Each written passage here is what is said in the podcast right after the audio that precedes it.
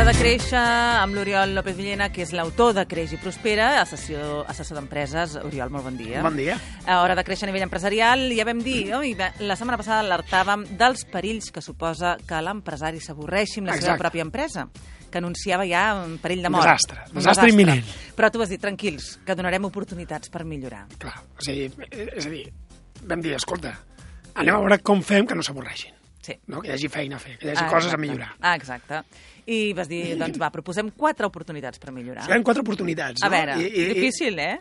Bueno, són, són quatre oportunitats que són relativament senzilles, són simples, no, no diré fàcils, però són simples, no? És a dir, jo sempre dic que dona'm una matriu i dominaré el món, Ah. d'acord? Doncs vinga, a llavors, tota teva. fem una matriu. Una Fem matriu tothom sap què és, són quatre quadrants, d'acord? En aquest cas una matriu de quatre, eh? Quatre quadrants. Per tant, tenim clients i tenim productes Mhm. a vendre, d'acord? I tenim clients nous, o clients que podem aconseguir, o clients actuals que ja tenim. I tenim productes que ja tenim actualment, O que podem fer nous. o podem crear nous productes. Llavors, bàsicament, hem d'omplir caselles. És a dir, com podem créixer o com podem millorar? Primer podem veure què podem fer amb els clients actuals als quals ens hi prenem productes actuals. Clar que eh, és una cosa que suposadament no podem augmentar els ingressos, suposadament. Però és suposadament perquè podem millorar el servei, podem millorar l'experiència del client.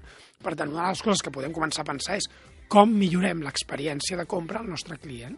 Mm -hmm. Com la millorem? Amb una atenció més personalitzada, amb, amb un embolcall més maco, o el que sigui. Fins i tot això pot acabar convertint-se en més preu. També. Per tant, aquí ja tens una, un àmbit que no només millores, sinó que creixes en, en ingressos, d'acord? Mm -hmm. L'altra alternativa és que tinguis que els teus productes actuals els venguis a nous clients. Per tant, aquí tens una alternativa, jo crec una oportunitat que tothom coneix, que és, escolta, busca clients. Com pots buscar clients? El primer fent una llista. Jo sempre dic que és la manera més fàcil, no? Una llista. Hi ha un llibre que em sembla que es diu The Bullet List o alguna així, que parla de fer llistes. Doncs fem una llista. Sí. Una llista de potencials clients que podem tenir ja siguin col·lectius, nosaltres venem als, als homes tenistes d'entre 40 i 45 anys, allà m'hi trobaran, d'acord? O poden ser persones concretes. Vull vendre-li a aquesta a RAC1 eh, micròfons. D'acord? És a dir, no sé si calen, però... però De moment anem servits. Vull vendre micròfons a RAC1, d'acord? Llavors, però en realitat tu el que fas és actuar en el màrqueting. El que has de fer és pensar de manera que com, de manera proactiva, busques aquests clients. Fes una llista i pensa com aniràs a buscar-los. Com hi arribaràs. oferiràs. Exacte. La tercera cosa que pots fer és crear productes nous. I els productes nous els pots vendre als clients actuals o als, o als clients nous. Els clients actuals seria no només innovar, és a dir, crear productes nous, sinó que seria fer venda creuada.